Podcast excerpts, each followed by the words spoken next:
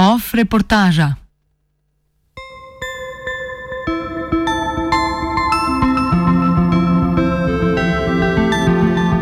Kako sestaviti cepivo?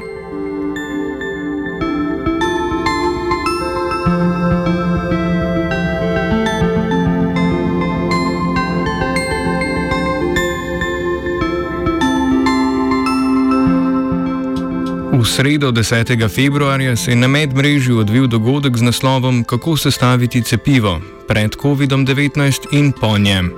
Dogodek je bil prvi v sklopu dialoga o znanosti pred pandemijo in po njej, pri organizaciji pa sta sodelovala British Council in Mreža znanosti in inovativnosti zunanjega ministrstva Združenega kraljestva.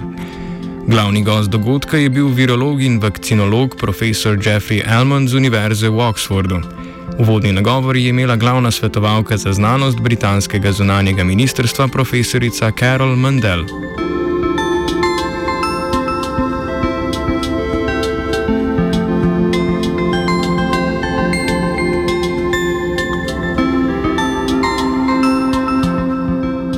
Enajstega marca 2020 je Svetovna zdravstvena organizacija razglasila pandemijo. Samo 8 mesecev kasneje smo imeli prve podatke o rezultatih tretje klinične faze enega izmed kandidatnih cepiv.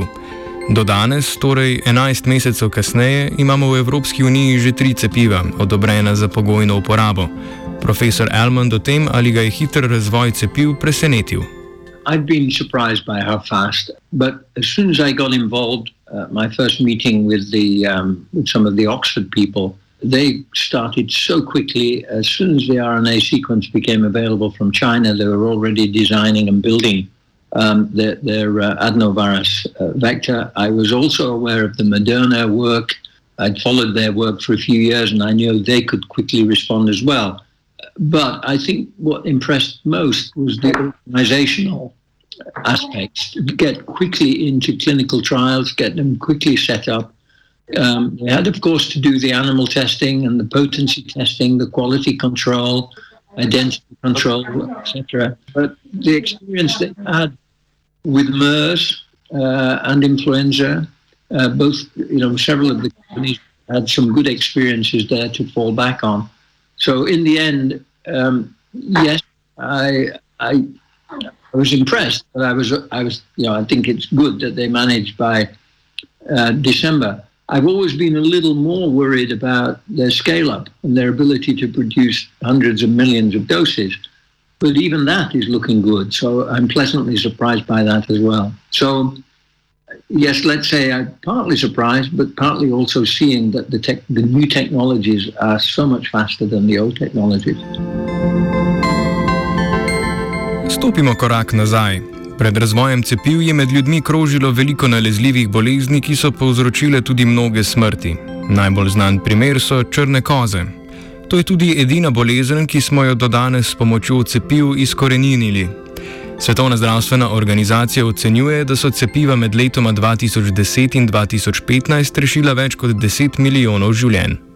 Vaccines have saved millions of lives in the 20th and 21st centuries. Um, smallpox was eradicated uh, in 1980, and before that, it was a scourge with 60% of the world's population um, at risk, uh, death rates as high as 25%. Polio has fallen by 99% since the 1988 um, proclamation of the World Health Assembly to try and eliminate it. And um, eradication is uh, taking longer than we thought, but on track. But during that time, since that time, an estimated 5 million children have been protected from paralysis. Similarly, measles, through improved campaign, uh, decreased between, uh, at 74% between 2000 and 2007. This gets eroded a little by the anti vaxxers, but nevertheless, quite impressive uh, results when one implements good, vaccine, good vaccines with a good vaccination policy. Preden lahko razvijemo dober sistem cepljenja, je treba razviti cepivo. Kako so se tega lotevali pred pandemijo COVID-19? Often a microorganism, a virus or a bacterium, would be studied for many years in academia. Identification and classification of the agents, finding target antigens that might be used as potential vaccines, understanding the natural history of the disease, developing animal models, and so on. And that often took place over many years in universities. And then gradually, uh, as we saw opportunities uh, for developing vaccines, these things were brought into companies, small biotech initially, and then big pharma companies. Uh, uh, who developed in a preclinical phase that was often a year or two, or could be three or four years, things like antigen production, assay development, animal model validation, preclinical uh, toxicology, and preparation of material to go into clinical development uh, and first in man studies. And those are classically defined as phase one for safety and initial immunogenicity, phase two for, for dose finding, dose scheduling, and improved immunogenicity, and then uh, uh, phase 2b, what might be an early proof of concept, followed by a large scale phase three, and large scale typically meant tens of thousands these days around 30,000 for um, large scale um, uh, safety and, um, and, and then efficacy studies, of course. And in that would be built lot to lot consistency. So the vaccine that was produced in the factory, you, you normally did three batches to make sure that each batch behaved identically to the, to the, to the other batches. So there was no variation in the quality of the material produced in the factories. Um, then you would have registration uh, uh and, uh, uh, um, if you're lucky, then licensing of the vaccine and launch of the vaccine. And following that, you would uh, uh, typically do post marketing observations on safety and effectiveness, so called pharmacovigilance, which typically took 10 to 15 years and even longer obdobju raziskav in razvoja sledi priprava procesa proizvodnje cepiva za množično uporabo. Ta korak je v primeru pandemije COVID-19 zelo pomemben, saj potrebujemo več milijard odmerkov cepiv za vse svet. Strokovna skupnost mora ugotoviti, kako povečati proizvodnjo, ki vključuje negotove biološke procese, razvite v raziskavah, na nekaj deset milijonov doz ali več. Priprava tako velike proizvodnje običajno vzame nekaj let, poleg tega pa zahteva tudi ogromen denarni vložek. Stroški raziskav in razvoja ter priprava procesa proizvodnje posameznega cepiva na koncu skupno znašajo vsaj milijardo evrov, običajno pa veliko več.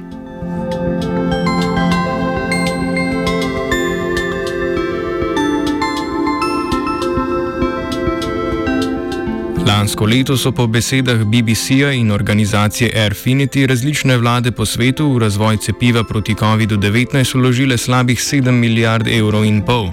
Nevladne organizacije so prispevale milijardo in dobrih 700 milijonov.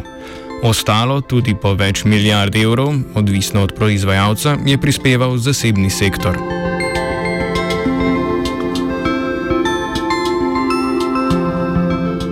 Ogromni finančni vložki so le del zgodbe. Druga pomembna dejavnika za hiter razvoj cepiv so izkušnje in že obstoječe znanje. Znanstvena skupnost je cepiva razvijala tudi leta 2014, ko je v Zahodnji Afriki izbruhnila zastrašujoča epidemija. A main event along the way was an outbreak of Ebola. I've mentioned the emerging infections, but Ebola triggered uh, an international action because we saw a rapid emerging and, and uh, potentially catastrophic uh, event in uh, Western Africa. And uh, this just shows the massive increase in cases um, in, in the early weeks of 2014. And this provoked a response from the world, which almost acts as a sort of little blueprint for, for what the world has done with um, with COVID nineteen. It was a, a, joint effort on funding where various nations contributed to the uh, almost $550 million that was raised. One of the new technologies that was used, a vectorized virus with a but it was a, a good example of an early vectorized um, vaccine. It's in, built into a virus called vesicular stomatitis virus, carrying the glycoprotein of uh, the Ebola. And, uh, and, and um, this can then be constructed, grown in tissue culture, and scaled up to a reasonable level. But, of course, for this vaccine, we only needed tens, uh, low hundreds of thousands of doses of vaccine to address the problem in the um, West African region uh, in a targeted and ring fencing uh, way to apply that vaccine. Um, it, it, was a great response, and uh, there were many there were many um, efforts around the world to in that response, uh, and it was as fast as we'd ever moved before in getting a vaccine ready. In some ways, um, people were learning at this stage how to do things, how to respond quickly, and so on. Uh, and, and it was uh, indeed a, a success um, and, and brought uh, the Ebola outbreak uh, under control, of course, with other public health and distancing measures, as, as we've seen with COVID. But it was, it was an example of, of how the world can move quickly when it needs to. Preskočimo na začetek leta 2020. Iz Kitajske so prišla prva poročila o nenavadni pljučnici, ki polni bolnišnice. Prva poročanja so objavile tudi medicinske revije. Virolog in vakcinolog profesor Elmond. So then came COVID, uh, and all of us, I think, were shocked by this Lancet publication that not only reinforced what we'd been hearing uh, from World Health Organization and others, but the impact and particularly the severe disease that we were seeing, and the fact that in the severe diseases, in, uh, severely ill patients, we were seeing a very high death rate. In this particular sample, it was uh, uh, it was uh, more than 50% death rate. We were seeing organ function damage, uh, so acute respiratory distress syndrome, acute kidney injury, cardiac injury, liver dysfunction, etc. And it became very clear in, in January uh, and into February uh, of last year that this indeed was a really serious public health threat uh, and was spreading much more uh, significantly than we'd seen with SARS-1, with MERS, um, of course with, with Ebola, which was restricted to Africa. So this became a global threat and a quite frightening one, as we're all aware. Povzročitelj nenavadne bolezni na kitajskem je bil novi koronavirus. Na srečo smo se s koronavirusi srečali že v preteklosti. Fortunately, we knew about coronaviruses, and it is very important to have a good basic science infrastructure that academic labs look at disease agents and may study them for many years before a vaccine company is lined up to, to start work on a vaccine. We were aided enormously, of course, by our knowledge of previous uh, coronaviruses. The first four of those were these rather strange B814 numbers, are the common cold type coronas that circulate in humans. We'd seen SARS CoV 1, as I mentioned earlier, in 2003, MERS in 2005, and then uh, transmissible gastroenteritis virus in pigs uh, feline infectious peritonitis virus of cats uh, and infectious bronchitis virus of chickens, all of which actually we have vaccines against. So we had some knowledge of how to make vaccines against coronavirus types, although nothing specifically, of course, of coronavirus, uh, uh, uh of this COVID 19 agent, the SARS CoV 2. Because of our knowledge of coronas, we could then interpret the genome as soon as the sequence was released from China, understand where the genes sat, uh, what the genes were, work out where the spike protein gene was, etc. We knew quite a lot about how the virus uh, gets into the cell and how it um, uh, uh, uh replicates and so on. And that, of course, fed into uh, drug discovery type efforts. But from the vaccine point of view, certainly the identification of the genes encoding the envelope um, and, and surface proteins was very important and very quick because of our knowledge of coronaviruses. We also learned at that point um, how um, this thing was was replicating in humans. There's a lot of virus produced before people uh, are significantly ill, and and of course some people don't get ill at all and still shed plenty of virus. But the most severe uh, disease is sort of rather late in the replication of the virus in the infection event uh, and as we are aware now, uh, hugely driven by inflammatory mediators and, and complications in, in uh, the organs that I mentioned earlier as a result of virus attack. Medtem ko smo še naprej spoznavali, kako koronavirus povzroča bolezen, kako se širi in kateri so uspešni nefarmakološki ukrepi za njegov nadzor, so razvijalke in razvijalci cepiv razmišljali, kako se lotiti izziva razvoja cepiva proti COVID-19. Svet je potreboval varno in učinkovito cepivo, ki ga lahko naenkrat proizvedemo, proizvedemo v velikih količinah. Certainly, back in last January, February, those of us who were experienced in this field thought, right, how do we start? What type of approach do we take? How long is it going to take? Can we realistically get a vaccine uh, out there uh, in the time that it's uh, in double quick time that it's needed.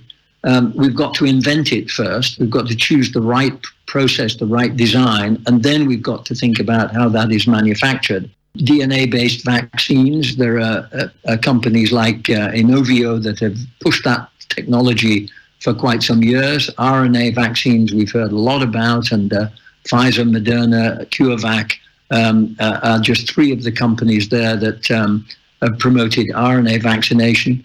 There is the classic inactivated vaccine where you grow the virus in cell culture.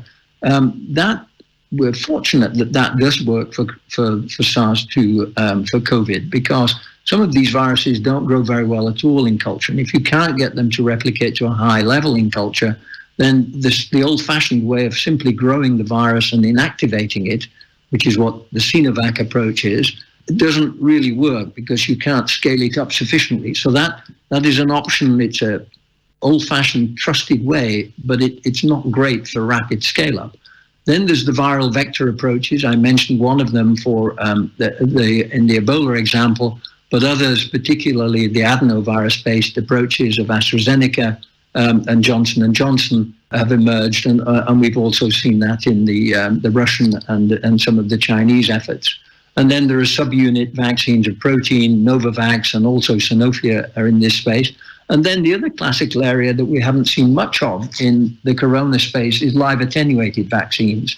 They're a little bit more tricky to really establish safety with uh, in the absence of a really good animal model. But these have the advantage that they can be produced at very, very high volumes, and and um, and, and in that way can be quite attractive. Best example of that being oral polio vaccine. Cepiva proti COVID-19 smo razvili v manj kot letu dni, a gradili smo na znanju in izkušnjah iz preteklosti. Prvi pokazatelji, da je razvoj cepiv lahko hitrejši, so cepiva proti eboli. Poleg tega so proizvajalci cepiv na osnovi informacijske RNK, tudi mRNK, po besedah profesorja Elmonda možnost uporabe mRNK za cepivo raziskovali že več let.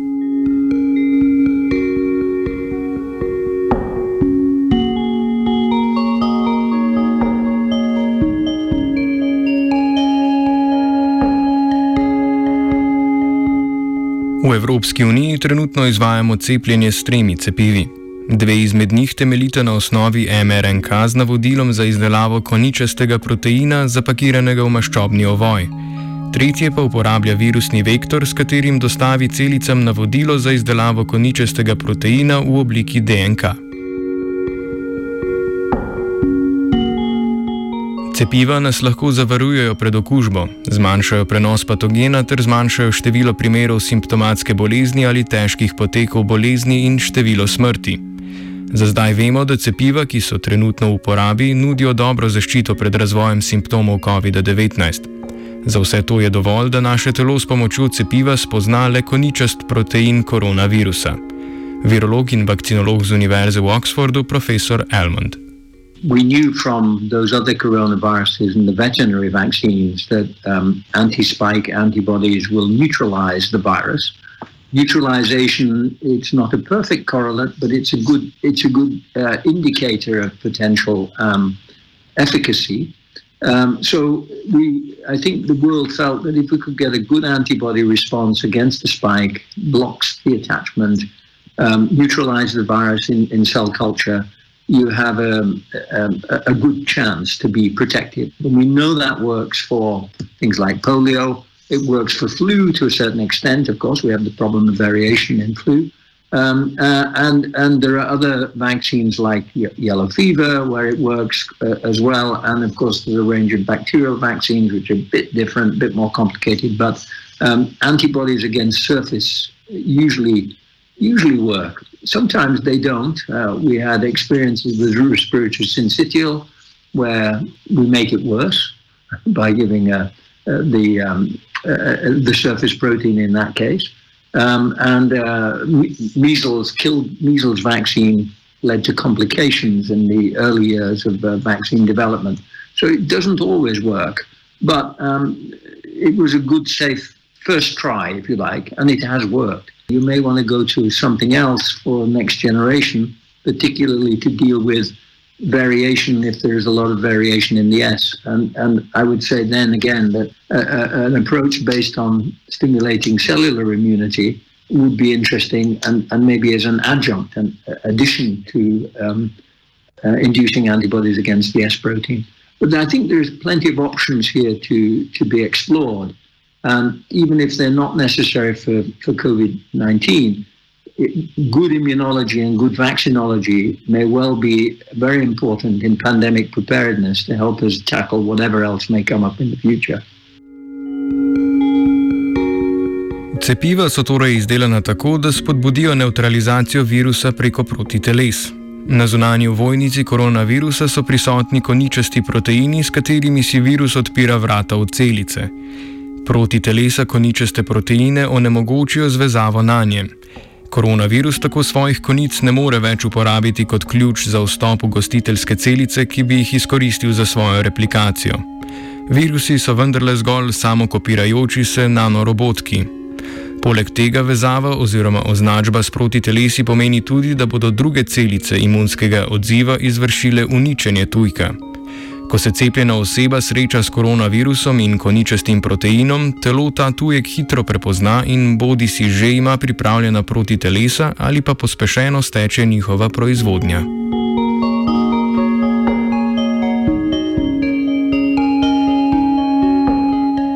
Pri novih različicah, ki imajo spremenjen koničast protein, je vezava proti teles nanj lahko manj uspešna in ohlapna, ter zato manj učinkovita. Do novih različic virusa lahko vodijo na ključne mutacije ob replikaciji, ki mu omogočijo, da uspešno premaga vse selekcijske pritiske v obliki pripravljenih proti teles za njegovo onemogočanje. To pa ni več uspešen mehanizem imunskega sistema za preprečevanje tujku, da bi izkoriščal gostiteljske celice.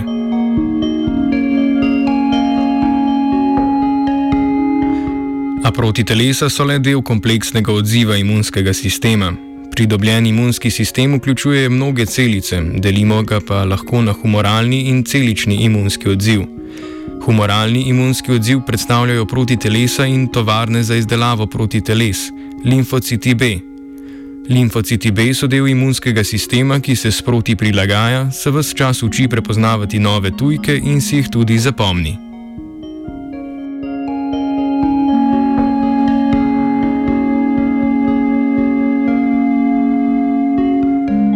Druga linija zaščite predstavlja celično posredovan imunski odziv, pri čemer so glavni akteri limfociti T in makrofagi. Limfociti T so medijatorji imunskega odziva, ki ob prisotnosti tujka spodbudijo limfocite B k proizvodni proti teles ali prepoznajo delce tujka in tako njegovo prisotnost v okuženih celicah ter sprožijo smrt in razpad izkoriščenih celic. Medtem pa makrofagi tujke zaobjamejo in jih razgradijo, sprožijo unetni odziv in tudi limfocitom te predstavijo, kako so videti izkoriščevalci oziroma tujki.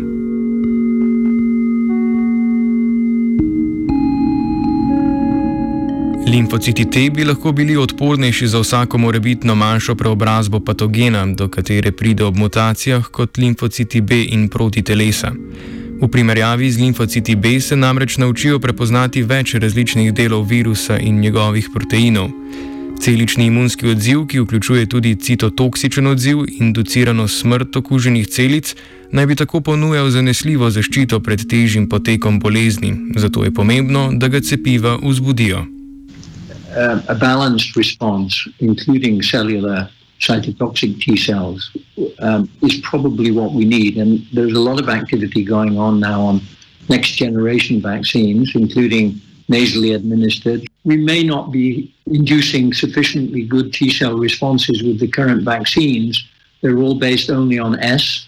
We maybe ought to be looking at the ability of some of the internal um, viral proteins to stimulate cytotoxic T cells. And the messenger RNA approaches in particular, um, probably okay for stimulating CD4 type helper cells, but um, as far as CD8 cytotoxic T cells are concerned, generally those types of methods are less good than, for example, a live attenuated. It may be that the vaccine will drive um, to some extent the selection and evolution of variants, And I, I would feel more comfortable that we would prevent the pre- emergence of variants if we had a good T cell, um, cytotoxic T cell in particular, presence in the population of vaccinees, so that we really keep a, a, a better control on, on the variants. Če stremimo k razvoju cepiv, ki na različne načine spodbudijo imunski odziv, bomo bolje pripravljeni na pojave novih različic. Profesor Elmond, virolog in vakcinolog, se je v svojem predavanju v sklopu dialogov o znanosti, kako sestaviti cepivo pred COVID-19 in po njem, dotaknil tudi prihodnosti. It's not the end of the story. Uh, we have to maintain vigilance. What is this? Where, where are we going to go with this? What is the natural biology of SARS CoV-2. Is it going to be a measles like, where one vaccination or one infection gives you immunity that more or less lasts you for life? Is it going to evolve into multiple different types, serotypes, each of which require a different vaccine, so that we have to become bivalent, trivalent, tetravalent by mixing the vaccines together? So, are we going to see evolution of multiple serotypes and co circulation? Could each of those serotypes then behave like flu and vary seasonally? So we've got multiple serotypes, all varying, uh, like, rather like we do with rhinoviruses, the common cold. Um, so it would even be worse than flu if that happened. And then beyond that, what about next generation pandemics? What do we think about for the future in preparing? One of the things I said uh, to colleagues um, if this had been flu, we would have had a billion doses by last July, August, because we had flu capacity. It was corona. We didn't have that capacity looking forward, what other virus groups and how to make the vaccines uh, are we going to be confronted with and how do we prepare? So these are really big questions for the future. And then, of course, there's always something that thwarts you. This was the um, uh, the announcement of the uh, relatively poor um, protection provided by the by the um, ChAdOx, the AstraZeneca vaccine, in, against the South African variant.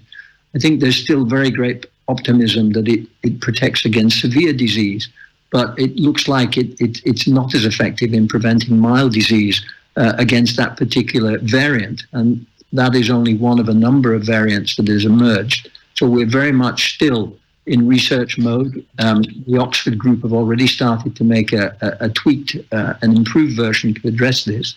Uh, but it just shows us that uh, the we've been euphoric in our uh, welcoming of the vaccines, but we've got to apply them properly. We've got to apply them quickly, and we've got to keep a very close eye on this virus and see how it evolves in the months uh, ahead uh, to know how to get on top of it. Čeprav se v tem času zdi, da smo ujeti v začarani krok pandemije, je znanost na naši strani. V zadnjih nekaj desetletjih je molekularna biologija tako napredovala, da imamo na voljo različne načine spremljanja širjenja virusa in s tem tudi zaznavanja različic, h katerim je vredno usmeriti pozornost. V enem letu je znanstvenicam in znanstvenikom po zaslugi odkriti in izkušenj iz preteklosti uspelo razviti učinkovita cepiva proti COVID-19. Tako lahko upravičeno upamo, da bo prilagoditev cepiv na morebitne nove različice zgolj manjša ovira, ki jo bomo uspešno preskočili.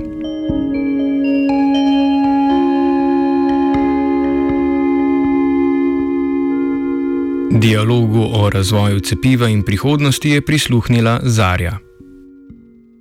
Off reportaža.